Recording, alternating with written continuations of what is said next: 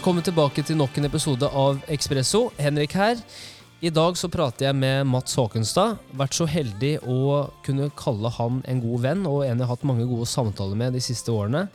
Ofte når vi møtes, så liker vi å prate om ting som er litt mer utfordrende. Det kan være alt fra makrobildet, det som skjer i samfunnet. Det kan være mangfold versus kompetanse, det kan være ruspolitikk, det kan være mental helse. Men også hva som skjer i våre egne liv, og utfordringer vi møter på veien. Det som ofte det handler om, er jo at livet er vanskelig. Det å skulle fungere optimalt i livet er vanskelig. Det å skulle få alt til å gå opp er vanskelig. Og i dag så prater vi om alt ifra det som skjer altså i samfunnet i dag. Vi snakker om woke, vi snakker om snowflake, vi snakker om utfordringer med ytringsfriheten og det å kunne faktisk stå for det man mener, men fortsatt akseptere andres meninger og bakgrunner. Og hvorfor det er så viktig å vite at alle har ting de sliter med det har aldri vært større utfordringer med mental helse enn det det er i dag. Og jeg tror vi er altfor dårlige til å prate om ting som skjer i livet vårt, som ikke kan publiseres på Instagram, for å si det sånn. Og jeg er selv en av disse ofrene som liker å vise alt som er bra i sosiale medier, men kan heller ta en liten reality check og tenke ok, har man det faktisk bra der man er nå, og kan man dele mer av det. Den andre tingen handler om å lytte mer. Det er en av de største utfordringene i dag, at vi aldri lytter. Vi lytter ikke for å forstå, men vi lytter for å prate selv. Videre så snakker vi om mangfold versus kompetanse, utfordringene med det som skjer i Ukraina i dag, og hvordan vi ser dette utvikle seg i tiden framover. Så dette blir ikke siste gangen Mats tar turen innom. Jeg håper du finner samtalen interessant. Og husk at mange av de tingene vi snakker om i dag, det handler, eller det kommer fra et ståsted hvor vi faktisk ønsker å forstå hva som skjer i samfunnet, og ikke at vi representerer et visst ståsted, men at vi faktisk ønsker å bli klokere på det som skjer rundt oss, og kunne bli flinkere til å tenke kritisk. Så håper du finner episoden interessant. Men dette er Mats Håkenstad på Ekspresso.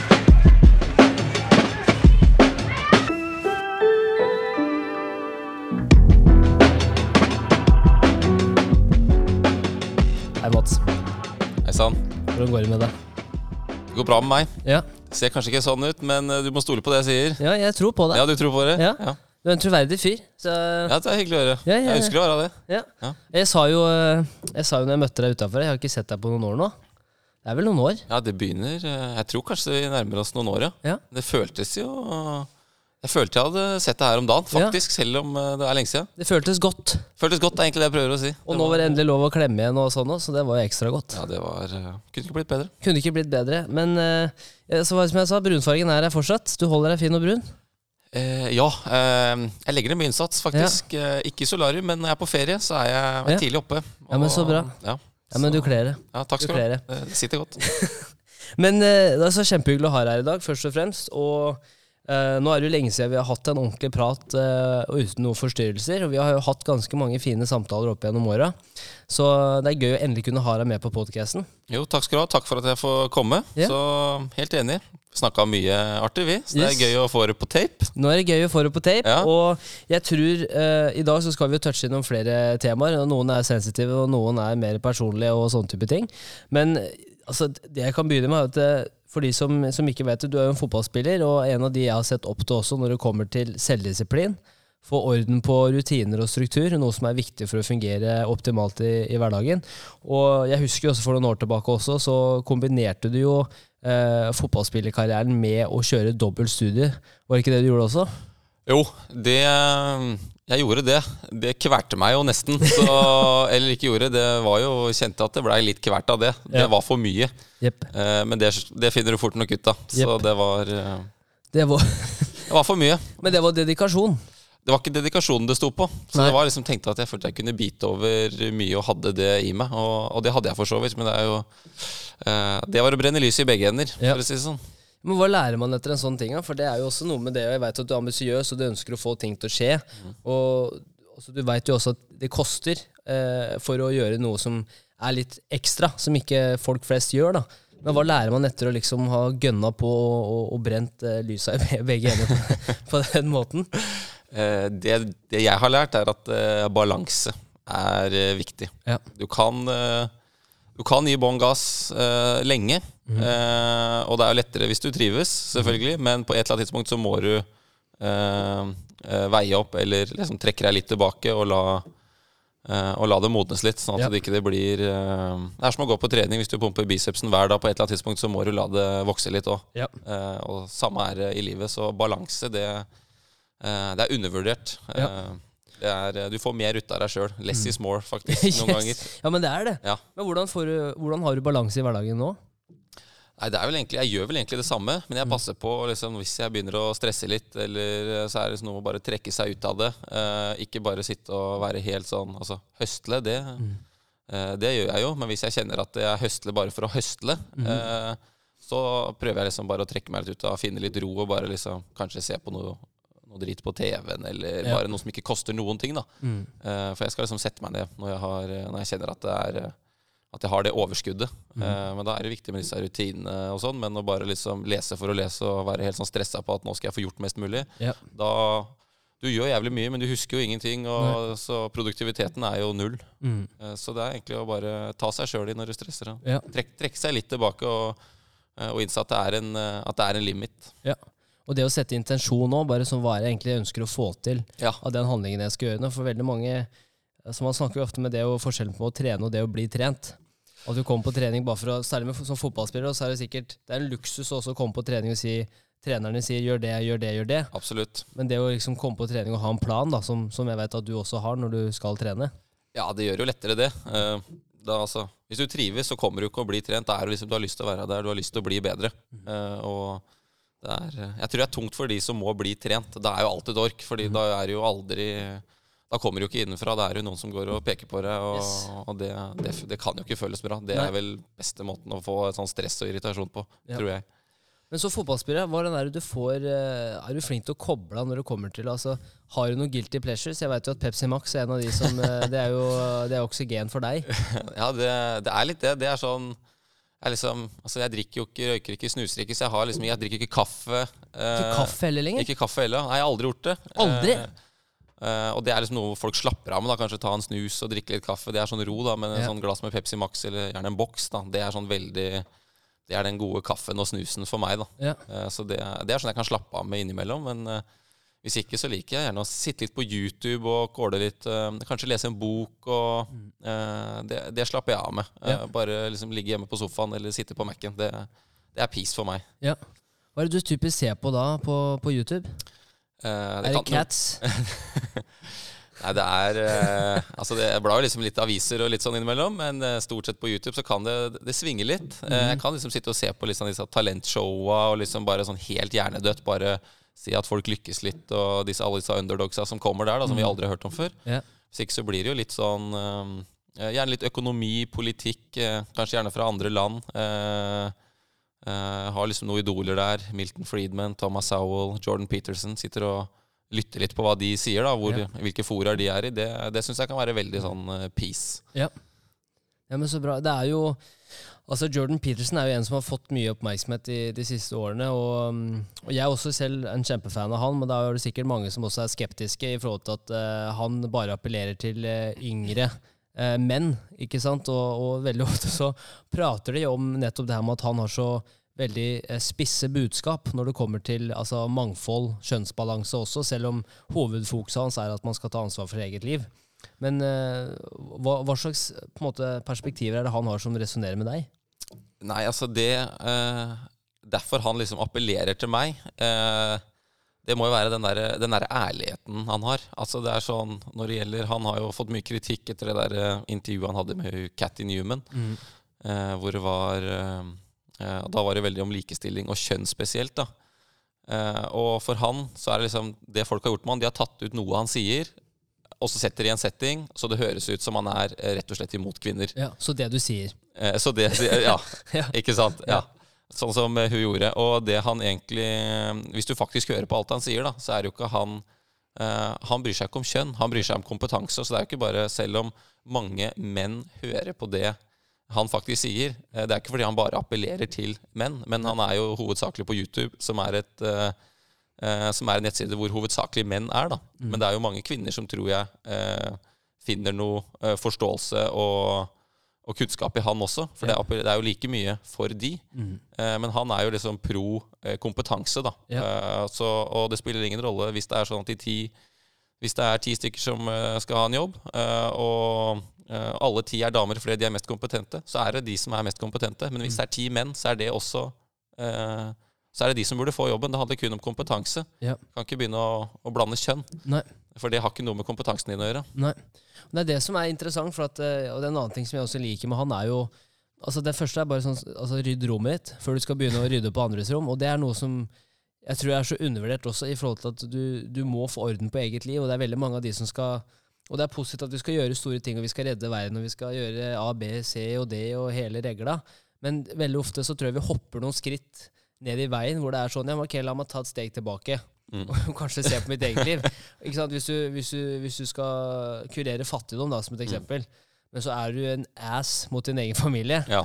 det er sånn, da, Kanskje man skal ta et steg tilbake og, og sørge for at man har det bra rundt seg. Det kan hende jeg har veldig spesielle syn på nettopp det der, men jeg tror liksom jeg tror effekten kan være større hvis du ta, begynner å ta vare på deg sjæl og de rundt. Ja, Det er jo liksom en forutsetning, da. Og det er vel litt det han sier også. Du må eh, At det er bra for deg og alle rundt deg, samfunnet, familien din, at du kan bære din egen vekt. da. Eh, for det, noen må bære den, så hvis ikke du kan bære den sjøl, så må noen andre bære den. Ja.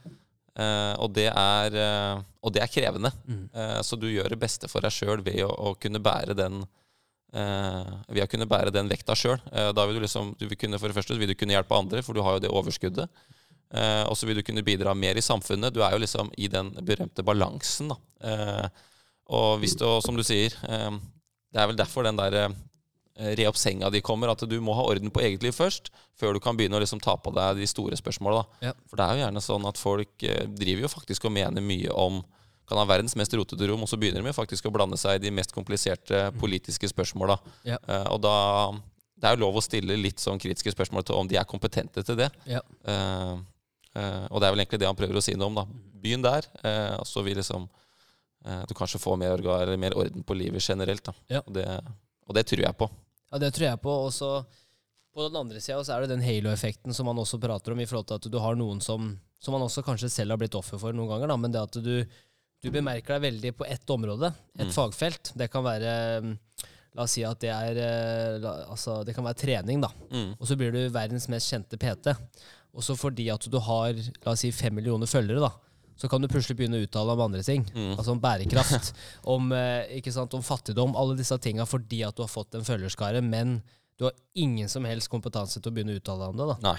Og det kan jeg se veldig, fort, of, eh, veldig ofte, da, at det er veldig mange som har altså kjendiser, ikke sant, skuespiller, mm. hva enn det er for noe, som blir så svære, får en så svær følgeskare, og så begynner de seg å uttale seg om ting på andre felt enn det de er eksperter i.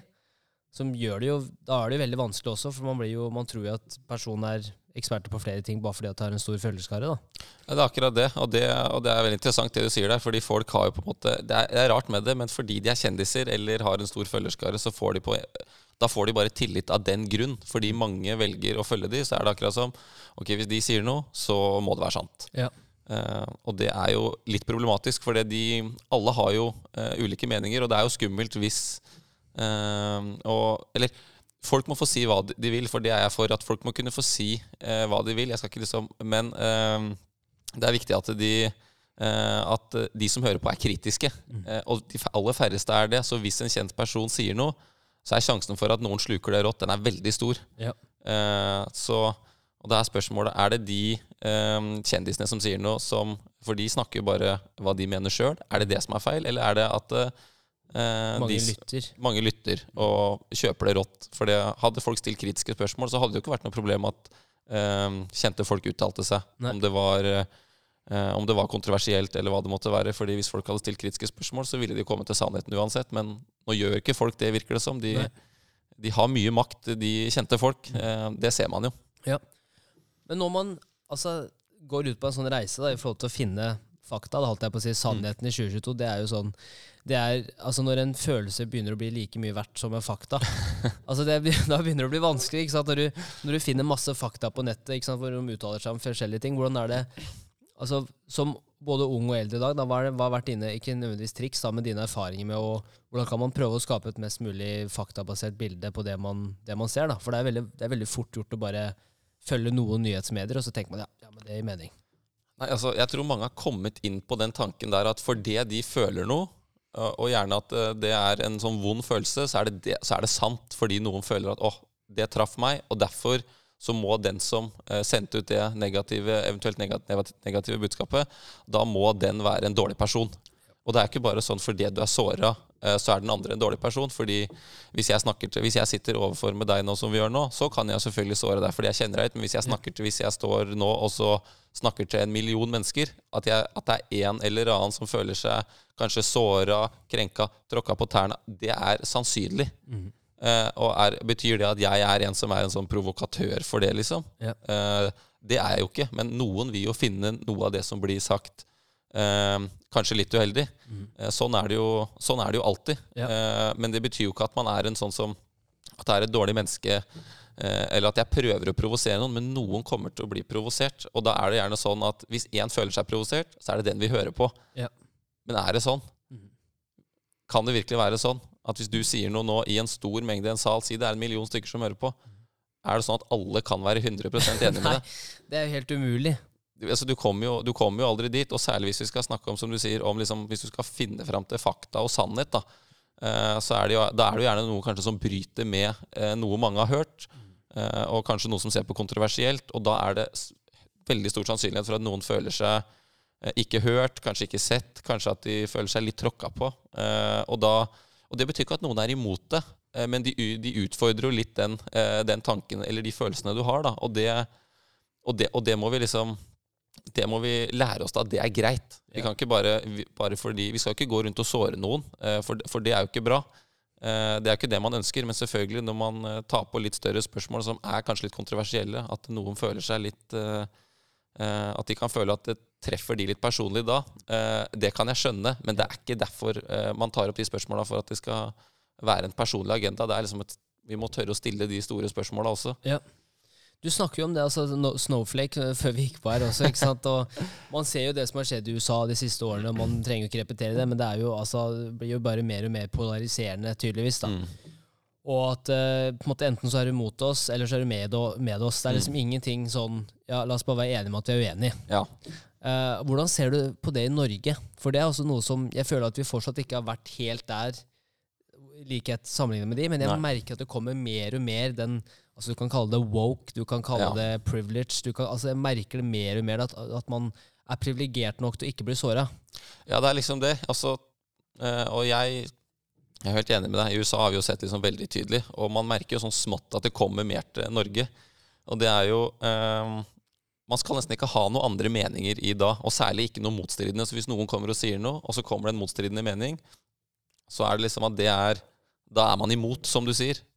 Da er det sånn der, Vi kan ikke ha to forskjellige meninger. Og da er det gjerne sånn at den vi hører på da, det er den som kanskje føler seg såra. Og er det sånn at de har riktig hver gang?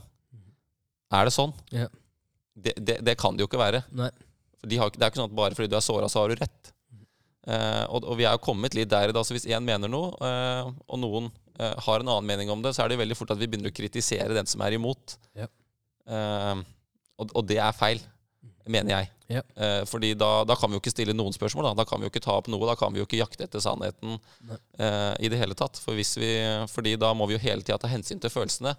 Og vi skal, ta hensyn til, vi skal på en måte ta de hensynene til folk og, og prøve å liksom leve i harmoni med de, men eh, hvis vi snakker om litt større spørsmål som gjelder politisk, da, som folk engasjerer seg i, så kan vi eh, Da må vi tåle at det blir eh, kanskje noen tøffe kamper, og at det blir noen motstridende eh, meninger og sånn. Det, det, er jo en del av gamet. Ja. og det, det, det ser tøffere ut å liksom akseptere det var, det var, mer lov å ha de tøffe samtalene før, ja. er mitt inntrykk. For, mm. Hvis jeg skal liksom referere til hva jeg leser og hva jeg hører på. da. Ja. Men på den andre siden, altså, man ser jo at samfunnet blir jo mer og mer eh, progressivt. alt jeg på å si. Vi mm. kommer jo mer og mer framover i forhold til nyvinninger. og altså, Det blir jo mer og mer, som vi også har snakka om, ikke sant, likestilling, da, for å ta det mm. på andre sida. Um, men hvordan kan man da få et altså Det er et, et, helt umulig spørsmål, men hvordan kan man få altså, uh, forum da, hvor det er mer lettere å kunne ha de samtalene? Uten at man må For at følelser er selvfølgelig viktig, men samtidig så er det også sånn noe som jeg har vært veldig opptatt av sjæl òg, er sånn hele tida prøve å gå inn i meg sjæl. Okay, har, jeg faktisk, har jeg faktisk rett her? Har jeg forstått det her riktig? Eller er det mm. fordi at jeg har kanskje en eller annen negativ assosiasjon som har kanskje skjedd, meg, skjedd med meg tidligere, mm. som gjør at jeg reagerer på den måten jeg gjør, og at det ikke går an å, å diskutere det her på en mest mulig objektiv måte? da? Jeg tror jo, jeg opplever det som du sier, at mange har en eller annen følelse eller en personlig opplevelse knytta til noe, og så tar de på en måte med den i hele resonnementet sitt. da. Eh, eh, som du sier der. Eh, og Det er vanskelige spørsmål. For det er For, jeg, for jeg merker det mer og mer sånn, sånne ting som Som gir meg mye, det er jo å kunne ha samtaler eh, hvor man kan være helt uenig. Og man kan være, sånn som jeg og du, ikke sant? Vi er enige om mye, men vi er også uenige om noen andre ting. Og det å kunne ha samtaler hvor man kan rett og slett være enig om at man er uenig, men faktisk lytte på den andre personen for å søke om å forstå. Ja, det er liksom det du er inne på der, da. At man er At jeg liksom Jeg har full respekt for at uh, det er noen andre som har en annen mening. Og, og, det kommer jo mest sannsynlig fordi at de har en annen bakgrunn, og kanskje noe de har opplevd. Men da er det sånn det, Hvem har rett, da? Og ja. det er jo gjerne der vi er kommet. sånn at det er umulig å ha to forskjellige tanker om den samme uh, situasjonen. Uh, og liksom bare erkjenne at vet du hva, det er pga. at vi kommer fra to forskjellige steder og har opplevd noe forskjellig. Ja. Vi skal jo gjerne finne hvem har rett, og hvem har galt. Og så kan det jo ende til syvende og sist at noe er mer rett enn noe annet. Uh, men uh, det er gjerne den som bryter med normen, da. den som har en tanke som bryter litt med det kanskje alle tror, ja. den, blir jo, den, blir jo, uglesett i da, mm. føler jeg. Det er vel ikke noe jeg føler det Sånn er det jo. Ja. Og gjerne hvis det er noe kontroversielt, uh, så er det jo Og vi blir jo farga litt av media. Så hvis noe står i media, eller bare i VG, liksom, så tar vi det som en sannhet. Mm. Eller fordi hvis regjeringa sier det, så er det også en sannhet. Ja. Og det trenger jo ikke å være sånn. Nei. Du ser jo det nå, altså alle de største mediene som, altså, som drev med gravejournalistikk. da. Mm. Kanskje 10-15 år tilbake, hvor mediebransjen var hadde mye større profitt enn det de har i dag. For mm. de må finne andre måter å få den profitten på. Uh, men da ser du hvor mye clickbates det er ute å kjøre. Det er alltid altså de på TV 2-nyhetene som sier sånn Se hva som skjedde med katten når han løp opp i treet. Se med på tv2.no. altså Det er sånne clickbates eller sånn 'Maria ble skremt når hun så hva gubben hadde lagt i skuffen'. Se med på tv2.no. Det, det, er liksom den, det er så mye clickbait, og det er så mye Altså, Det handler ikke om å ha rett lenger eller formidle sannheten lenger. Det er hvert fall sånn det føles med de mediene, men at det handler mer om å være først. Ja, det er akkurat det. Vi skal ha først, så vi får likes og kliks og alt mulig sånn. Og derfor så blir det litt sånn uh, Man kan føle at de Eller man kan lese dem at noen ganger så skremmer de, for hvis du leser overskriften, så ser de, og så kan du faktisk bli litt skremt av det. Og ja. det er veldig morsomt, for veldig mange leser faktisk bare overskriften. Yep. Uh, og hvis du faktisk går inn og leser hele artikkelen, mm. uh, så innser du at oi, det handla jo ikke noen ting om eh, om den overskriften som sto. Det var jo bare for akkurat som du sier, de clickbaitsa. da. Ja. Eh, og, men fordi folk faktisk Det er veldig sjelden folk går inn og faktisk leser hele artikkelen. Ja. Så går de og danner seg et bilde. Eh, for det er jo gjerne en overskrift og så et bilde. Og så tar de bare 'Å, herregud, se hva som har hørt'. Visste du om det, liksom? Yes. Uten at de veit egentlig hva som har skjedd. Ja. Eh, og, det, og, da får det leve. Det gjør det. Eh, og så, det blir, så da blir folk eh, man blir jo litt skremt. Man blir skremt. Og det har vært under covid. Man ser det nå under den uh, uh, Under krigen i Ukraina, så ser vi Og man har ikke liksom nok informasjon, men uh, en del av de overskriftene som er, kan man bli litt sånn Man kan føle seg at det er litt ubehagelig, at man føler at det er veldig nært. Ja. Og så kan det hende det er det også, men hvis man går inn og leser hele artikkelen, så ok da var det jo ikke så farlig allikevel. Men Nei. det er veldig få som gjør det. Yep. Og gjerne så er det jo litt sånne bak betalingsmurer, de artiklene som gjerne provoserer litt, eller de overskriftene som provoserer litt, så folk får jo ikke godt å lest de. Nei. Og betaler jo ikke for det, så da kjøper de jo bare den sannheten. Yes. Og jeg har et eksempel som jeg vil nevne, for at eh, her om dagen, skal vi se om jeg finner det eh, Jeg jobber som sagt i Ardoc, og vi henter akkurat en ny investeringsrunde nå på mm. 125 millioner dollar. Som er helt svært, ikke sant? Ja, fy søren. Og så var vi på en eh, middag med noen kollegaer på onsdagen. Det var liksom dagen vi lanserte de nyhetene her. Eller det var dagen før, så skulle det komme dagen etterpå. Men da hadde vi fått eh, Eller den kom på kvelden, da, og da mm. var det en artikkel som skulle bli publisert i Finansavisen. Mm. Og så får jeg en snap sånn utpå kvelden. Det var noen som hadde sendt et bilde av den, den overskriften. da.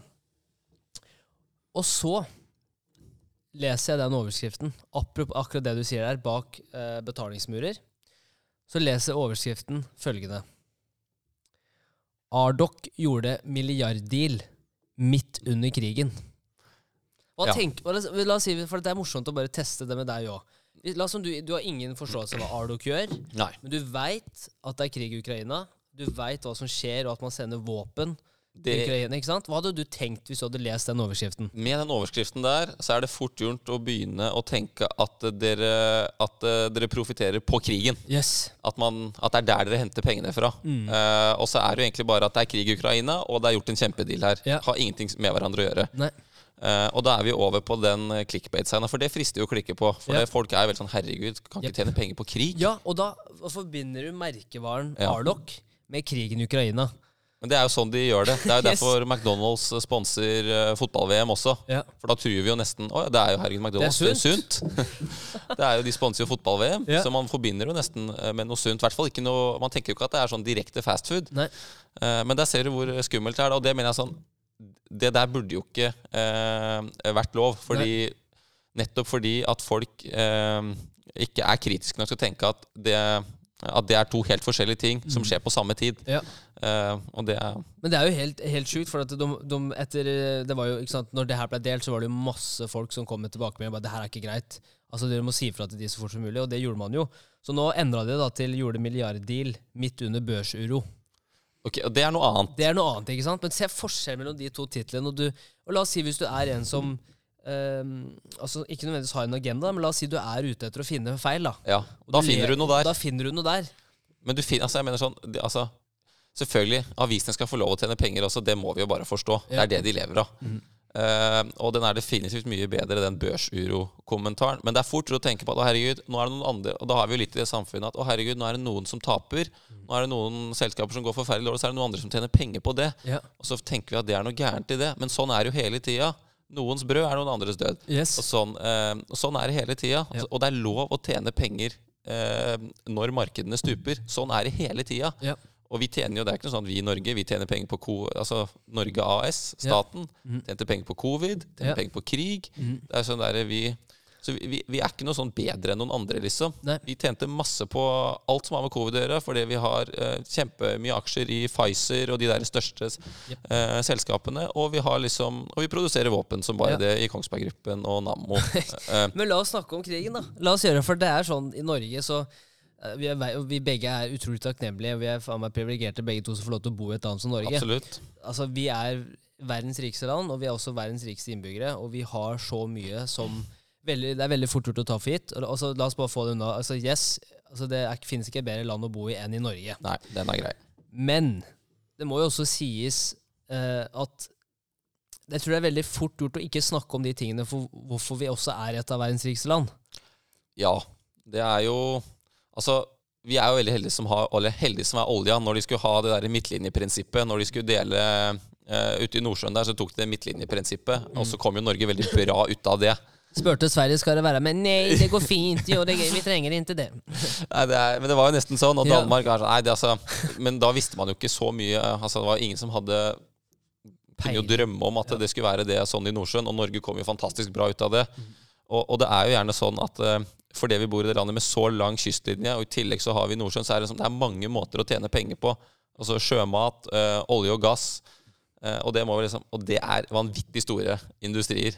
Eh, sånn er det bare. Ja. Eh, og, og, men det er greit. Mm. Vi må få lov å tjene penger på det. Altså andre land, sånn som Venezuela, 90% lever i ekstrem fattigdom. eh, og de har en av verdens største oljereserver. Så det har jo litt med hvordan vi har forvalta formuen eller mulighetene våre også. Ja. Så det er ikke bare sånn at vi, eh, vi, vi er heldige, og vi har ikke gjort noe riktig. Vi har bare endt opp med en haug av flaks. Ja, litt flaks har vi, men det er andre land som også eh, eh, Som har vel så mye olje, om ikke mer. Og, de, og der lever 90% i fattigdom. Hvorfor det? Hva tror du er grunnen til det? Nei, er, det, er er det statslederen, eller? Det er jo gjerne i, i, i land hvor det er eh, Hvor landet er liksom styrt fra senter, altså sosialistisk, altså Ja. mer sånn kommunistisk, så er det jo liksom Da er det jo De på toppen gjør det jo greit, selvfølgelig. Ja. Eh, politikere og de som styrer, de har det jo alltid greit. Eh, og så er det den eh, vanlige mannen i gata som lider, da. Ja. Men i land som eh, type Norge, altså de nordiske landa, mange i Europa som har liksom kapitalistisk tankegang, eh, der gjør jo den vanlige innbyggeren det best mulig. Ja. Uh, og det er markedskreftene som rår, da. Og det er, alle kritiserer jo det hele tida. Ja. Men selvfølgelig, det er derfor vi har billige varer, det er derfor vi har masse å velge i. Bare se for deg den en som lever uh, ja, blant de fattigste i Norge, liksom. De har liksom et sted å bo. Så, så sier vi ikke at det er bra. uh, men, men det kommer an på hvem du sammenligner deg med. Hvis du sammenligner deg med Kjell Inge Røkke, så vil jo alt være elendig. Men hvis vi sammenligner oss med de fattigste i andre land, mm. så er det jo helt ellevilt. De har telefon, de har sted å bo, de har kanskje en bil. Det er mat på bordet, liksom. Og så er det ikke sånn at de kan fråtse eller de liksom må spikke på krona, men å være fattig i Norge er ganske annerledes å være fattig i, enn i andre land. Ja. Eh, og Så det kommer hele tida på hvem vi sammenligner oss med. Eh, og eh, Så vi må liksom innse at den eh, modellen vi har i Norge, hvor vi, og vi, har jo, vi er jo et kapitalistisk land, selv om vi liksom, den sosialismen er Den kommer enda mer og mer. Og vi må passe på at den ikke tar over, Ja. fordi da eh, da blir det rett og slett uh, dyrere, og det blir færre varer og tjenester. Fordi det er færre folk som har lyst til å putte penger her. Ja. Folk forventer å få en avkastning på pengene sine, men hvis staten styrer alt, Ja. da skal de ha alt også. De, nevner jo, de snakker jo ofte om grådighet. At kapitalismen er greed is good, da, for å ta Gordon Gekko. Mm. Og, men samtidig så er det også sånn altså Grådighet finner du jo uansett hva slags system du har i verden. Det er ikke Altså- sånn at det ikke er grådig i Du er jo grådige folk i Russland nå. Ja, det er ikke sånn at der hvor de har Eller har sosialister eller kommunisme, det er ikke sånn bare at herregud, det er ikke det landet lever ikke på grådighet, liksom. Mhm. Og hva er grå... Bare ta det spørsmålet, da. Grådighet. Hva er det? Hvis jeg bestemte meg for Nå skal jeg bli grådig. Ja. Blir jeg rik av det? Du kan sikkert bli rik. Men hvis- jeg bare liksom bestemmer meg nå i dag For alle sier at det er de som er rike, de er grådige. Ja. Og, da, da, ja. sier- ja, og da sier jeg Jeg er Ok, nå, nå skal jeg bestemme meg for at nå skal jeg være grådig. Jeg blir ikke rik bare av å være grådig. Nei. Du må jo Et eller annet må du tilby. Du må bringe noe til bordet. Noe må du komme med på bordet for å tjene penger. Ja. Du kan ikke bare bli grå. Det er sykt mange som er Det er ikke sånn bare Jeg har møtt mange folk som ikke har mye penger, det er som er veldig grådig.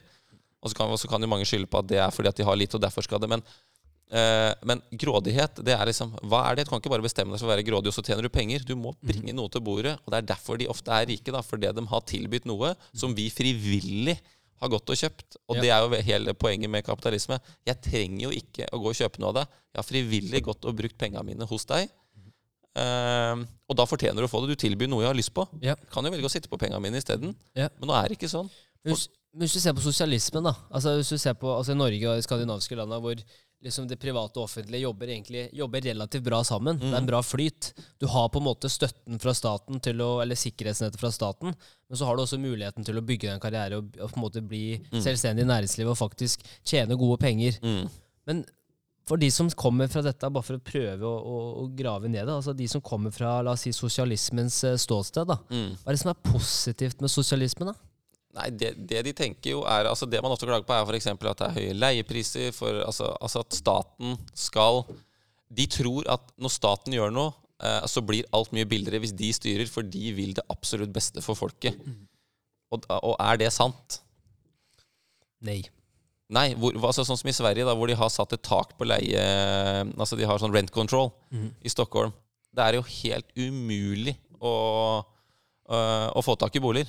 For, hva- hva skjer da hvis La oss si at det skal bli statlig Eller at det skal bli um, rent control her i Norge. Altså at du får et sånt tak på leieprisene.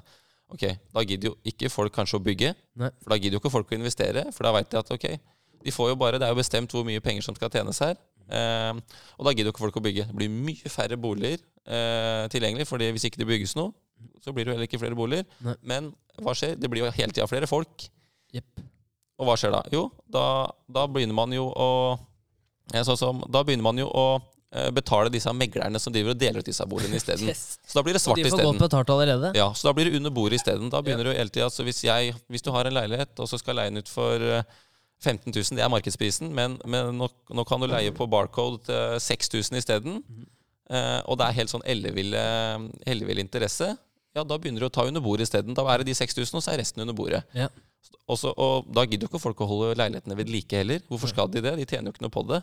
Så da ender du med det isteden. Så det som kan se ut som er en superbra løsning, eh, det er jo ikke det. For hva er staten egentlig? Hvor er det de får pengene sine fra? Det er jo skatter, da. Ja, det, og, Avgifter. og hva, hva sier folk? Folk Alle vil ha flere varer og tjenester, men ingen vil betale høyere skatt. Ja. Hvordan, hvordan går det? Det går jo ikke. Det går jo ikke. Nei. Nei, så, så, og det er akkurat det. Så hvordan skal du få til Så alle tror at når staten betaler, så betaler staten, og så glemmer de at hvem er det egentlig det er? hvor er det penga kommer fra? Hvor kommer penga fra da? Ja. Men Det det, er oss. 90, over 90% kommer liksom fra skattebetalerne. Ja. Men det er derfor altså sånn Man snakker jo også om altså, formuesskatten òg, da. Mm. Ikke sant? Og, og, og selvfølgelig, det er jo sånn, Kapitalismen har mange fordeler og, og ulemper, selvfølgelig, som, som alle andre system, men jeg vil fortsatt si at kapitalismen, i hvert fall, hvert fall når det er såpass god, godt samarbeid mellom det offentlige og private, så du fortsatt har de, de, den tryggheten da, som en innbygger, Absolutt. at det fortsatt er det beste systemet som er i dag. Ja, for det er det, og det syns jeg kanskje Eller når man snakker om de som har den litt sosialistiske tankegangen, da, så sammenligner de alltid med det perfekte. Og det er ikke kapitalismen. Det er på ingen måte et perfekt system. Men det er, eh, det er det beste systemet vi har, hvor alle kan gjøre det best mulig, og du Ja. kan få gjøre mest ut av deg sjøl. Og du kan liksom få utnytta ferdighetene dine. For det er jo veldig kjedelig hvis vi skal ha et system hvor, eh, hvor du er villig til å jobbe ræva av deg, og noen andre er villig til å eh, ikke gjøre noen ting, og så skal dere ha den samme betalinga. Altså, Men det er et godt poeng, det du nevner, for det er jo eh, altså det med det rettferdighetsprinsippet. mm. Men rettferdighet, som du sa før vi gikk på, ikke hva er det? Altså sånn, hvis, er, det er jo mer rettferdig at en som jobber mye hardere og lengre og, og, og, jobb, legger inn en mer innsats, det er mer rettferdig at den får bedre goder. Ja, Når du gjør mer for arbeid. Det, ikke sant? Gir det mening? ja, absolutt. Men her tror jeg media har en stor rolle, som vi snakka om i stad. Fordi de presenterer det som at eh, hvis det er sånn at du jobber 80 timer i en uke, og jeg jobber 40, eh, så, vil, så vil det komme ut som Og vi har den samme jobben, så vil det komme ut som at det er jævlig urettferdig, Ja. statistikken. For du tjener jo dobbelt så mye som meg. Ja, Ujevn lønn. Ujevn lønn. Eh, og da presenterer de det som at det er vanvittig ujevnt, og det er urettferdig, og det er store forskjeller. Men det er jo ingen, da er det jo ingen som snakker om at jeg har jobba dobbelt så mye som det. Mm. Og kanskje jeg har fått noen bonuser fordi jeg har jobba mer, eller kanskje Ja. jeg er bedre til å selge. Hvem veit? Mm.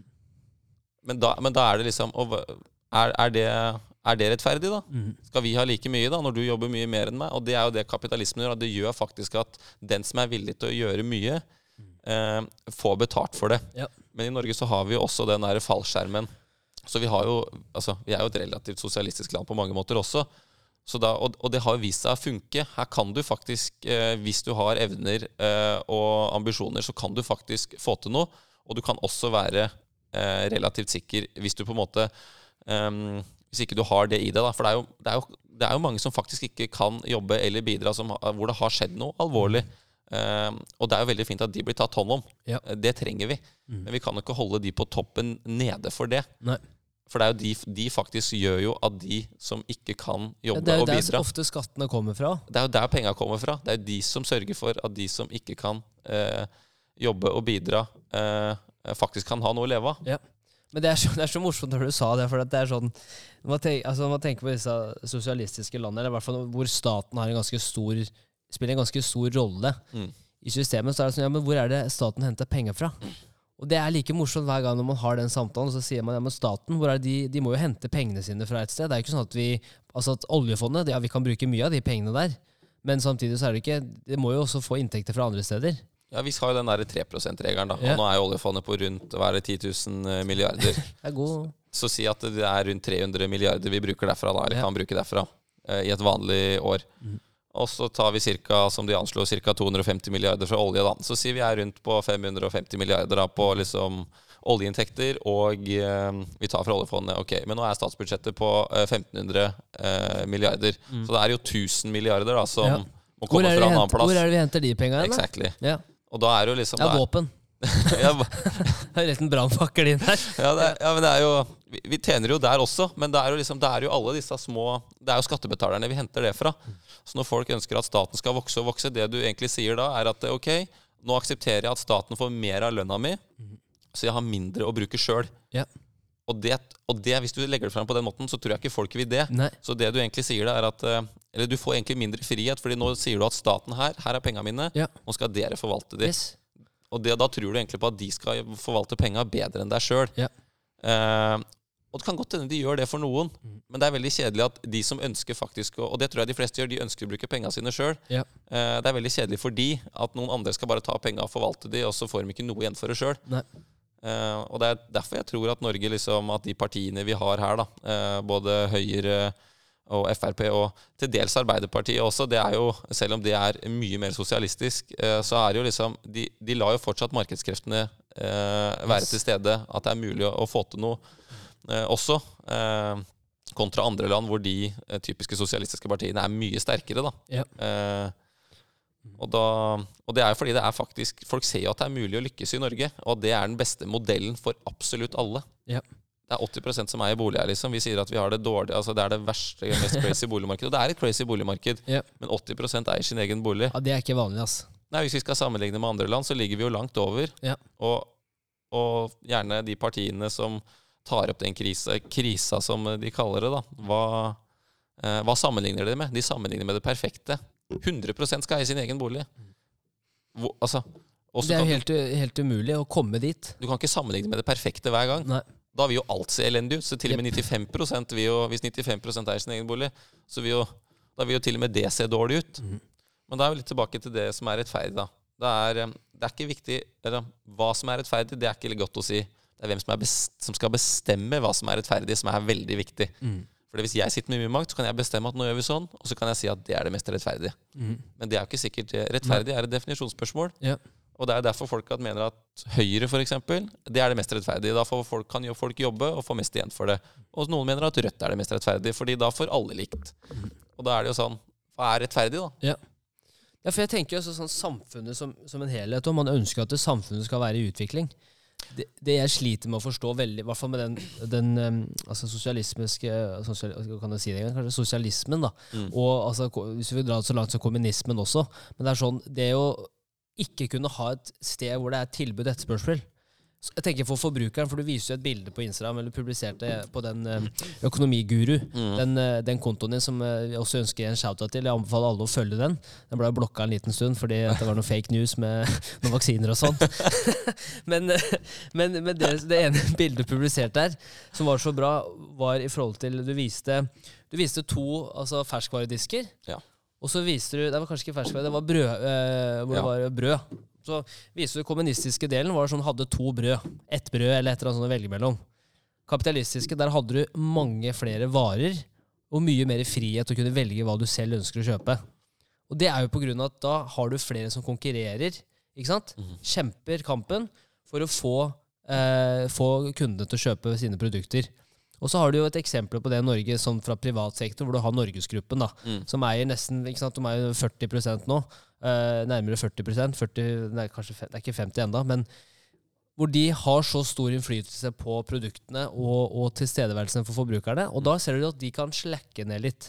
Så at det Mm. blir mindre konkurranse, og at forbrukeren da får mindre mulighet til å kunne velge. Mm. Og så kan de øke prising, for de har såpass stor tilstedeværelse. Mm. Men det samme er jo det hvis staten skal ha all kontroll. Ja, absolutt. Eh, Hvis staten gjør det, så er det jo, det er jo altså Vi kan ta noe enkelt som flybilletter. da. Hva, hva gir de billigste prisene på flybilletter? Jeg tror mange er glad for at Norwegian kom inn, og så er vi SAS, og nå er det Flyer, og så er det eh, Norse, eh, hva heter det, Norse Atlantic, eller jeg husker ikke hva det, mm, akkurat den, hvordan den uttales. Men hva gjør det når mange har lyst til å tilby akkurat de samme personene? Da blir det eh, flybilletter. Da blir prisene nede med. Men hvis, eh, sånn som det var i Finland, da, der var det ett flyselskap som var Finnair. De hadde monopol på hele rutenettet. Hva skjer med prisene da? Da er det bare, det er høyt hele tida. De Ja. kan jo bestemme akkurat hva de skal ta hele tida. Det er dårligere tilbud. eh, Og de trenger ikke å tenke på kvaliteten heller. Nei. For de styrer jo alt. Eh, Så, og sånn er det. Det er det som er så deilig. Hvis du er misfornøyd med SAS, ja, da går du til Norwegian. da. Mm. Og det, er, og det gjør jo faktisk at prisene blir bedre, og kvaliteten blir bedre. Ja. Så vi som forbrukere vinner jo på det. Og det er det man liksom eh, Og det er det som er med sosialismen. Da skal staten styre alt. Og hvis de skal styre eh, hvis de skal styre alt og ikke være helt fritatt for konkurranse, ha fullstendig monopol, da trenger du ikke å tenke på kvalitet. Det er det du har å velge i. Ja. Du kan ikke gå til naboen fordi du er misfornøyd. Nei. Og det er jo liksom, og det er det som litt er, og det er det man kritiserer med sosialismen. da. Det er så viktig for forbrukeren at det liksom at det er masse å velge i, men det har du ikke under eh, sosialismen. Nei, Og så skal alle ha medalje også. Altså Vi snakka om også det, men det er sånn Når du vokser opp, da, så hvert fall med vår generasjon har vi snakket med Snowflake. Ja. Og det kan jeg snakke om det, Men det er sånn Jeg ser jo mer og mer nå at man prøver å skjerme unga fra virkeligheten. Veldig ofte. Du ser Altså, vi, vi Jeg så jo det her for, for eh, Eller jeg ble bevisst på det her for sånn et år tilbake. Hvor du ser stadig flere og flere lekeplasser. De er jo, altså Det går ikke an å skade seg lenger. For det er jo som en trampoline hvis du faller ned fra lekestativet. Ja. Altså, du må, selv mener, altså, det er jo bare et, et, et eksempel på det større bildet. Men sånn eh, at, at det er så mye hvor det handler ikke lenger om å, å være best eller faktisk få de beste resultatene, kan det virke som i hvert fall, da. Mm. men at alle skal få en medalje for at de deltar. Ja, nei, jeg synes jo liksom Du prøver illustrerer jo bildet der med den der uh, myke landinga. Eh, og det er liksom, jeg tror vi gjør en bjørnetjeneste ved å på en måte skjerme de. Eh, og da er vi litt tilbake til hva er det som gjør liksom unger sterke in the first place? Eller egentlig, eh, det gjelder voksne folk òg. Eh, og det er jo at de går litt på trynet, og så reiser seg igjen. Hvis du skåner folk for alt elendighet og vondt og liksom forteller at uansett hva du gjør, så er det bra nok og sånn, eh, eh, så får du jo ikke noe sterke unger. Da har de aldri kjent på en sånn, en noen vonde følelser eller liksom måtte bygge seg opp igjen. Du går bare gjennom livet uten å måtte kjenne på noe. Og alle veit når du kommer til arbeidslivet, eller jo eldre du blir, så, så gjelder jo ikke det lenger. Kommer du liksom, Hvis du aldri har kjent på noen ting, plutselig begynner du på skolen. ok, Der var det litt konkurranse igjen, for der var det gymmen og hvem som skal være best. Og så fikk noen bedre karakterer. Eh, Og jo mer du kommer opp til det, så begynner folk å bry seg om det. Så hvis du har blitt skåna hele livet, da eh, helt til Plutselig så kommer arbeidslivet, plutselig så kommer en ny hverdag hvor faktisk det eneste som betyr noe, det er å vinne. Yeah. For det gjør jo det. Det er ingen som, eh, når du kommer Enten det er i arbeidslivet, eller liksom det er fotball, eller det er idrett, hva som helst. Det er ingen som bryr seg om du blir nummer fem. Selv om det er bra. Ja. Men vi, liksom, vi kan ikke premiere femteplasser. Nei. Alle kan ikke få medaljer. Eh, og vi starter tidlig med å på en måte skåne de for alt vondt. Og, og, det, og det betyr ikke at man skal utsette unga sine uh, for at det liksom sørger for at de havner i situasjoner hvor det går dårlig. Men det skjer av seg sjøl. Alle kommer til å havne i en situasjon som er litt ubehagelig og ekkel. Og da er det noe med sånn Etter min mening, da. Foreldra skal stå tett bak, støtte og være Men ikke gå rundt og fei, eh, fei bort alle problemene for dem og bare liksom ta fullstendig styringa. Ok, På et eller annet tidspunkt kan det hende du må det, men la de kjenne på at det er noen konsekvenser hvis de, hvis de gjør noe gærent. Eh, la de kjenne på hvis de står i en tøff periode. Se, liksom, la de få prøve å løse det litt, men vite at du er rett bak og støtter. De har alltid støtta, og engasjementet ditt bakfra der, det er aldri noe tvil om.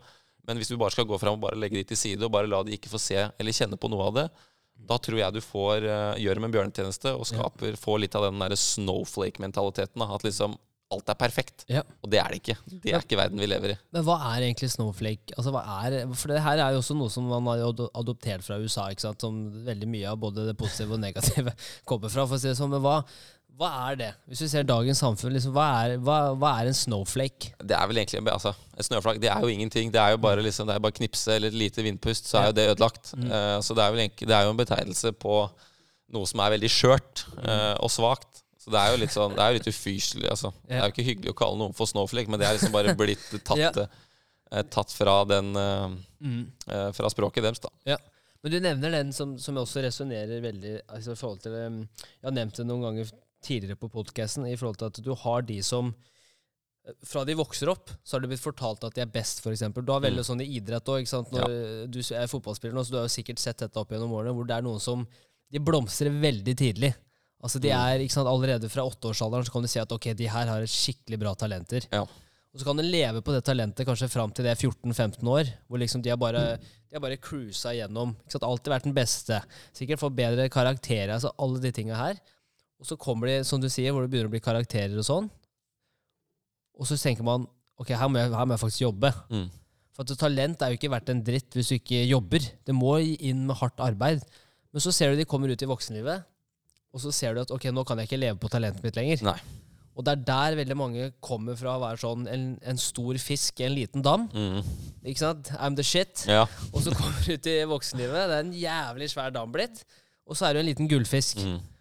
Og så tenker jeg, men jeg var jo best. Hva er det som skjer her nå? Jeg er ikke best lenger. Det er akkurat det, og det er der jeg mener at den mentaliteten du har liksom tatt med deg fra altså Som du sier, talentet det varer ikke evig. Det kommer noen som er like talentfulle som deg en eller annen gang. Eh, og alle kommer til å møte på tøffe tider i livet. Det er ingen som går gjennom livet uten å møte på tøffe tider. Og hvis du da bare har surfa gjennom hele tida, du har ikke anstrengt deg, du har ikke, liksom, du har ikke måttet opparbeide deg noe disiplin, ingenting, fordi du har vært en sånn superstjerne da, Ja. fra tidlig av. Du har vært den store fisken i den lille dammen hele tida. da. Eh, og de tøffe tidene, de kommer. Ja. Eh, og hvis du da ikke har liksom noen Du aner ikke egentlig hva du skal gjøre når den tøffe tiden kommer. Du har på en måte ikke noe, noe verktøykasse. Du veit jo egentlig ikke hva det er. Eh, og da kommer det noen som har liksom kjent det De går litt saktere med de i utviklinga fra liksom eh, at de når toppen. Eh, men de har vært gjennom ting, så hver gang det skjer noe på veien, så, så klarer de å få det til å prelle av mye fortere. Og de har en annen styrke når de kommer. da Så man ser jo gjerne det at eh, de største talentene når de er små, det er ikke nødvendigvis de som lykkes eh, aller mest. da Det er de som eh, Det er noen sånne late bloomers som at de, de tåler som når de kommer liksom til på scenen uh, og kjenner at å, oh, shit, Uh, nå blåser det. Da er det de som står igjen fordi at de har, liksom, de har vært gjennom noen ting. De har ikke gått på skinner hele tida. Uh, og, det er sunt. altså ikke, Du skal ikke bikke andre veien sånn at du liksom blir uh, deprimert, og sånn, men det er jo liksom Hva skal man si? Det er de samme følelsene som gjør folk sterke, som gjør folk svake. Mm. Og så må man liksom klare å hjelpe og guide ungen sin, eller når man er eldre, til å finne liksom at man skal holde seg på den sida hvor det gjør deg sterkere, og ikke ned i den ja. dype dalen. da. Mm. Og grunnen til at jeg nevner det, for det, det eksempelet, da, som er så Som jeg liksom som jeg, som jeg, jeg, vet ikke når jeg, når jeg fikk den åpenbaringa, men det var vel noen år tilbake. Men grunnen til at jeg nevner det, er for at jeg kjenner meg så godt igjen den der oppveksten hvor Altså, ikke var du tidligst i puberteten, ikke var du best på skolen, ikke var du best i idretten. Du var liksom, du var under gjennomsnitt på alt. Ja. Dårlig selvtillit. ikke sant? Når jeg var liten, så var jeg først liten og veldig liten og tynn. Mm. Ble liten og blubbete. Og så ble jeg litt høyere og mm. tynn.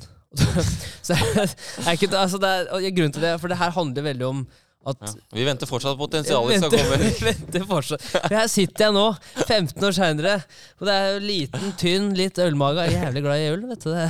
Men ikke sant, jeg sitter her fortsatt og venter. Men det jeg har lært av de tinga der, og, og, og, og, det har vært masse tøffe ting, og sånn, gjør at jeg, jeg føler nå at nå, liksom etter jeg var ferdig med videregående og jeg kom ut, mm. da følte jeg at jeg blomstra. Du har fått en identitet ja. av de opplevelsene, da, sånn at du tør å liksom være den du ønsker å være. da. Ja.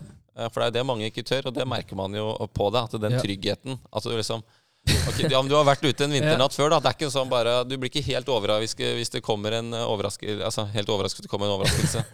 da blir det en overraskelse. Da blir det en overraskelse Men du blir, liksom, du blir ikke helt tatt på senga da hvis det Nei. kommer noe Altså du, du, klarer å endre deg hvis det kommer noen fra høyre, og så kommer noen fra venstre, og så blir du tatt på feil fot. og det, det, gjør ikke noe. altså. Det er jo krevende for deg, men du ser at du har liksom styrke og trygghet til å takle det. da. Ja. Og det tror jeg liksom kommer av det du sier der, da, at du har vært gjennom, uh, um, gjennom noen vinterdager før. Veldig. Og man må jo det, for jeg tenker sånn Faen, liksom. Altså, hva, hva er alternativet, da? Altså sånn altså, for å si det sånn. Ja. Uh, mens, mens, jeg husker det. Det er, det er lettere uh, å oppdra sterke barn enn det er å reparere uh, knekte menn. Ja. det, er, det, er, jo egentlig en sånn engelsk eh, sang der. Eh, utsagn. Og det er, liksom, det er, så sant. Lag sterke barn. Mye ja. lettere enn å reparere helt ødelagte menn. Ja. Fordi liksom, da er det for seint. Yep.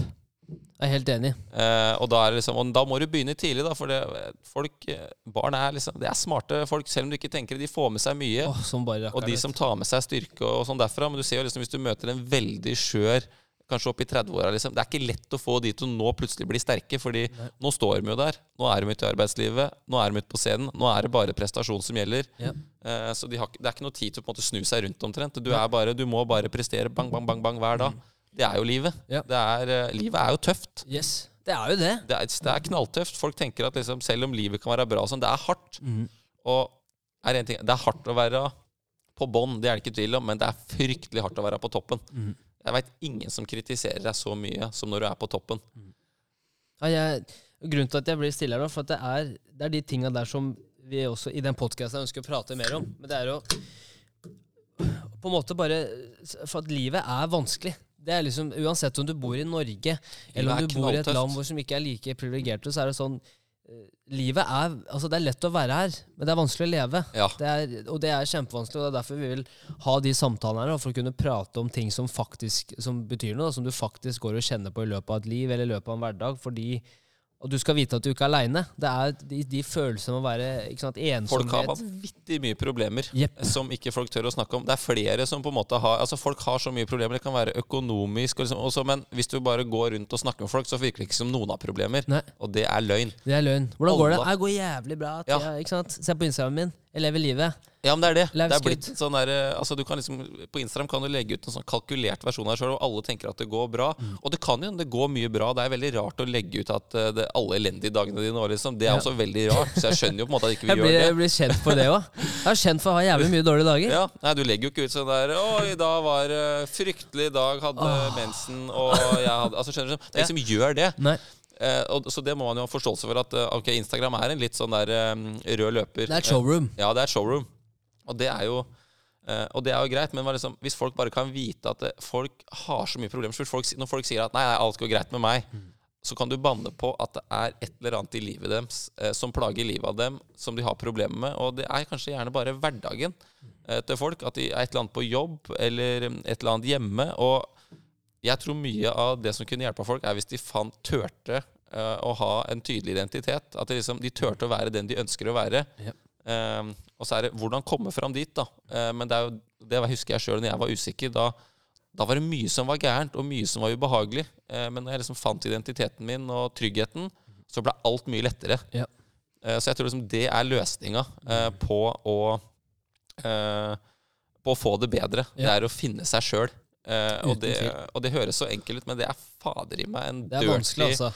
Og folk tror liksom Husker jeg broren min sa til meg en gang, eh, og da tenkte jeg ekstra over det. Når folk hører at vet jeg utvikler meg, og jeg føler jeg, jeg tar nye steg og sånn, da kan det høres ut som man er på en sånn glamorøs reise, at man bare liksom knekker ut av skallet sitt. og det er- Selvutvikling. Selvutvikling. Det er bare Oh. sånn euforisk. Vingene kommer og liksom bare Men det er jo det mest dirty. Ja, men det er bare den mest dirty, skitne reisen du kan være på. Du ligger kanskje hjemme og griner på, på senga flere dager i uka. Eh, Du kjenner kanskje litt at du begynner å bli deprimert, går kanskje dårlig på jobben, på skolen. Hva Ja. veit jeg? Men liksom, i løpet av den perioden der, da, så kanskje du begynner å bygge deg litt. Men det er det som er utviklinga. Og det er sånn den reisen ser ut. Når liksom, så folk som er trygge og sikre i seg sjøl, og ikke har noe behov for å liksom fremme seg sjøl. Alle liker å bli liksom heist fram i lyset, men eh, de som liksom har liksom Det er ikke viktig for dem heller. Nei. De kan du banne på å ha vært gjennom noe. Yes. Det er ingen som eh, ikke har vært gjennom noe, som bare Som har den tryggheten. Nei. Og det er, to, det er to ting som jeg syns er så bra med det å ha det resonnementet. Og, og forstå at først og fremst livet er dritt, men at alle har også dritt. Alle, de, alle har noe de går gjennom. Ja. For det første så er det, det er bra for din egen del, for da, er det, da forstår du at det du føler på, er sånn, det er mer vanlig enn man skal ha det til. Mm. Du er ikke unik når det kommer til de følelsene du har. Men nummer to så tror jeg også det gjør at du har får, får større forståelse for andre mennesker. Ja. Som du møter på veien, at det er ofte en grunn til at mennesker blir som de er. Absolutt. Ikke sant? Og um, altså det er derfor det er så viktig, uh, og for meg også, og det der med å kunne tørre å snakke om svakheter. Uh, og en av de gangene, altså en av de tingene som jeg tenker veldig ofte på, særlig da jeg var yngre, så var det sånn Kommer fra i hvert fall kjernefamilien, hvor det er liksom Altså, det var ikke, det var ikke party, for å si det sånn. Det var eh, Ragnarok, eh, 16 pluss år. Og man blir jo forma, forma Det var en pen måte å si det på. Og det kunne gått ordentlig ille på mange måter. Ja. Og da merker jeg når jeg vokste opp, at jeg ofte tenkte på Når jeg så på de andre familiene hvor sant, de hadde liksom mor og far som var sammen, de hadde liksom tre-fire søsken hvor alt det var helt magisk når du var borte hos de på besøk. Spiste middag med de, det var Mm. dynamikken, det virka som et trygt hjem. ikke sant? Og da begynner man å tenke hva faen, sånn familie skulle jeg hatt. Ikke sant? Ja, Og man begynner, Begynner å sammenligne. begynner å sammenligne. Og, og sammenligne, eller eh, Comparison er jo the root of all evil. Eh, en sånn smart fyr som sa, jeg husker ikke hvem det som Nei, sa men det. ja, sa det. det er sant, det. Det er sant. Men så kommer jo, jeg blir litt eldre, og så snakker jeg med kompisene mine, eh, som jeg også har vokst opp med, og så forteller de ikke sant, hva som har skjedd i deres familier. Mm. Og så skjønner man ja, men Det inntrykket jeg hadde av deres Ja. familie, var at dere var en trygg og solid familie. Ingen problemer. Ingen problemer, ikke sant? Men det er jo hele greia. Det er at alle familier har et eller annet skit i bagasjerommet. Oh. Noen har lik i skapa. Ja, ja, men, ja I fryseren og I fryseren, og det er ikke måte på. Det står og brenner på bakrommet. Nei, men det, er- det, er virkelig, det er veldig interessant det du sier der. Og jeg tror Og det skal jeg si, selv om jeg er, eh, og sikkert du òg Jeg er liksom hardbanka kapitalist, og jeg vil at liksom eh, folk skal ha mulighet til å lykkes. Men jeg har veldig eh, Jeg har veldig respekt for uh, Så selv om det høres ut som vi har snakka ned om sosialisme, jeg er helt imot det. Jeg tror ikke det er løsninga uh, for eh, den enkelte borgeren, ut fra hva jeg har lest og hva jeg har hørt, eh, og hvordan jeg ser på det sjøl. Det, det tror jeg virkelig ikke. Men vi må ha respekt for at noen mener noe annet enn oss.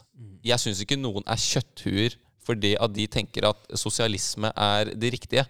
Jeg er bare uenig med de i at eh, det er den riktige politiske retninga. Ja. Men jeg kan ha det sikkert kjempehyggelig med de. Vi kan sitte og lese om, vi kan ha det hyggelig sammen. Så vi må liksom, det må ikke være sånn at vi liksom bare er imot hverandre. For det, vi skal leve sammen også. Det er veldig dumt Ja. at hvis jeg syns at eh, 60% av landet fordi de har en annen politisk syn enn meg, så er jeg eh, så det blir- så blir det uvenner. Vi, vi må liksom prøve å leve litt i harmoni, og vi har bare ulike meninger. Og det er det. Ja. Men vi må kunne ha det hyggelig sammen for det. Eh, Det er derfor jeg tror det er så viktig å bli utsatt for de perspektivene tidlig. ja, At du ikke blir skjerma fra hva andre mennesker synes. det er akkurat det. Folk har, det, det er tøft, og det er liksom over til det der som var liksom relatert til det familiegreiene. Det, eh, det er ikke lett. Folk har, vi må ha respekt for at folk har opplevd noe annet. Og veldig, folk er dårlige til å lytte i det. Så hvis noen kommer og, og derfor så tør ikke folk å si noe til deg. For folk er sånn der hvis, Si du har gått gjennom et uh, brudd, da. Kjærlighetsbrudd. Det sånn, vet du hva, Nå blir du med ut her, og så skal vi fikse noe nytt til deg. Det er kanskje det siste du har lyst til å høre. Ja. Akkurat når du har kjærlighetssorg. Skal vi på Horgans? Skal vi på Horgans og Kjøttkjelleren? Av med lyset, alle mot alle. Alle mot alle. det. Kom igjen. Ja, sant? Det er det siste du har lyst til å gjøre. Det eneste du har lyst til, er at noen gidder å ta deg med hjem. Bare kanskje lage litt mat til deg. Gidder å sitte og høre på alt det jævlige du har opplevd eller kjenner Ja. på. Eller eh, at noen gidder å gjøre det, liksom. Mm. men de aller færreste gidder det. Altså, er min opplevelse. Folk Ja. må liksom gå gjennom ting alene. Så folk deler ikke så mye lenger. For det Nei, vet du hva, det må du bare fikse sjøl. Så man, hvis man klarer å finne en av de som faktisk sånn genuint bryr seg, de, de hører faktisk på hva du har å si. De lytter. At det liksom at her er det noe gærent. At de klarer å se det på deg. Men Ja. jeg opplever at det er bare Vet du vi bare glemmer det, og så bare stikker vi under teppet. Og så Dette gidder jeg ikke å høre på. Jeg skal på byen. skal Bli på med. byen og liksom bare Ja. Vi glemmer alle problemene våre. Og det er derfor jeg tror mange er Selv om jeg tror sånn innerst inne, så tror jeg veldig mange egentlig bare har lyst på den fredagskvelden i armkroken med noen de bryr seg om, og Mm. Ikke har så lyst til å stå på matta der klokka to om natta og liksom Ja, men skjønner du? Ja, jeg skjønner det kjempegodt. Ikke sant? De har ikke lyst til det. De har ikke Nei. brukt 2500 kroner, og um, du, har ikke, ja, du fikk ingenting ut av det. liksom. Det var bare jævlig dyrt, og du skulle imponere, og når du kom hjem, så var det da var kontoen tom. og liksom, Det er Ja. ikke det du vil. Nei. Mm. Du vil egentlig bare ha den rolige kvelden hjemme. Eh, men da tror jeg det er viktig å jeg tror det er viktig å lytte til folk. Eller det er viktig. Folk setter pris på det. Det er sånn vi bygger relasjoner. Mm. Ja. Eh, men da må vi liksom orke å dyppe litt grann dypere enn eh, vær og vind. Ja. Eh, Og det tror jeg er eh, Og samtidig ha respekt for hverandre. Alle har sin historie. Og jeg kan være uenig i, valga folk har tatt, men jeg må respektere de. Hvem er jeg til å sitte og fortelle hva som er riktig, liksom? Mm. Ja. Men jeg har jo mine meninger. Mm. Og så kan vi gjerne eh, debattere og argumentere og diskutere hva som er riktig eh, på mange måter. Eh, men det er viktig å ha eh, vi, vi må prøve å liksom leve litt i harmoni med hverandre. Hvis ikke så Ja, hvis du ikke lytter, så er det altså, Men det er sånn, Tenk hvor mye du kunne kurert. Ja. I, altså, da, tenker jeg, da tenker jeg makrobildet her, altså verdensproblemer. Hvis folk bare hadde tatt et steg tilbake og blitt flinkere til å lytte for å forstå, ikke vil lytte for å prate. Eller ja, men det er det. lytte, liksom for eksempel nå, Hvis jeg skulle lytta til deg nå og sett, ok, nå begynner Mads å snakke om um, Milton Friedman, ok, da skal jeg bare planlegge et svar bak i skallen min. her nå, Ja, men det er det. Ikke sant? Ok, der får du den! Og så jeg, så Da har ikke jeg lytta etter hva du sier, men da har jeg bare sånn Ok, nå begynner han å snakke om det. Ok, da må jeg gå bak i, i, i lista bak her for å finne et bra svar, sånn at jeg kan motargumentere mot deg. Det er akkurat det. Og det, er, det er egentlig sykt Eller det er veldig interessant det du sier der. For det, det er det mange gjør. De sitter og venter på å få prate Ja. eh, og si det de skal si, og så lytter de egentlig ikke på det som Jeg ser det så ofte. Jeg, du Ja. ser det på folk er sånn Ja, ok. Ja, men det er bam! Og så bare, var det rett med motsvaret, ikke sant? ja, da, åh. Og det, og, det man, og det gjør jeg sikkert helt sikkert sjøl. Jeg har sikkert gjort det under episoden her også. Eh, at man liksom bare ikke, ikke lytter nok. da Ja. At man liksom sitter med svaret. Eh, og noen ganger så Veldig ofte så vil folk bare De vil ikke ha et råd, de vil ikke ha et svar. De vil bare at du lytter Yes. og anerkjenner Yep. det de sier. That's it. For de fleste, hvis jeg spør folk sånn, ja, vil jeg skal vil jeg skal gi deg et råd nå, skal jeg bare lytte, eller noe så vil nesten alle bare høre på å lytte. Yep. De vil ikke ha et råd, de vil bare liksom få delt det med noen og liksom få liksom letta, letta litt på trykket. Ja. Uh, og, der er, uh, og der er folk dårlig. Yes. Og det merker man akkurat som du sier. det, Folk sitter og Og så får de muligheten sin, og så sier de det. Ja. Så det blir på en måte ikke noe samtale. Nei. Det blir bare at uh, du repeterer bare det du allerede kan. da Mm. Og da blir man ikke kjent. Da blir man ikke kjent. Og igjen, altså nå avslutningsvis her, det har vært kjempestas å ha deg med, og som folk sikkert merker også, vi ble veldig engasjert av hverandre. Ja, folk tenker sikkert er disse her gift. Nei, ikke enda. Men det kommer. Det kommer, det. Det kommer. Ja, skal ned på kne her etter hvert. for, for, Ja, vi gifte oss, altså. Da skal ned på kne, for det var viktig å påpeke det. For bare, at, eh, at, ja, bare så ikke det misforstås. ja, men det kan misforstås. Det går fint. Det går fint. Uh, så lenge det ikke misforstås. ja.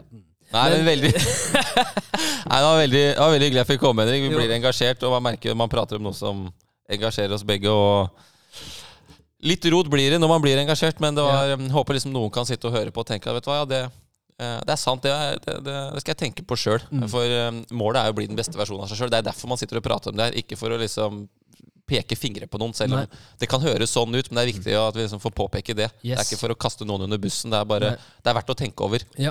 Og så er det for at vi har jo en genuin interesse av å prøve å forstå hvordan samfunnet funker. For det er sånne ting som Som du sier, da, at folk, ikke, folk prater ikke hvordan de har det lenger. Det er veldig sånn man, Det blir veldig overfladisk, og så Mm. viser man den beste versjonen av seg selv på sosiale medier.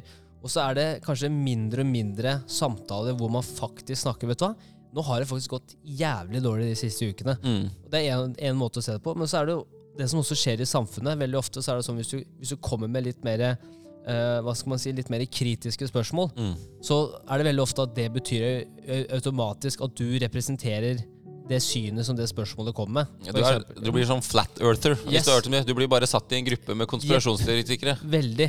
Og det, er, og det er liksom det er et spørsmål som man ofte stiller seg. Balansen? Balanse mellom, eh, altså, balanse mellom eh, mangfold og kompetanse. Mm.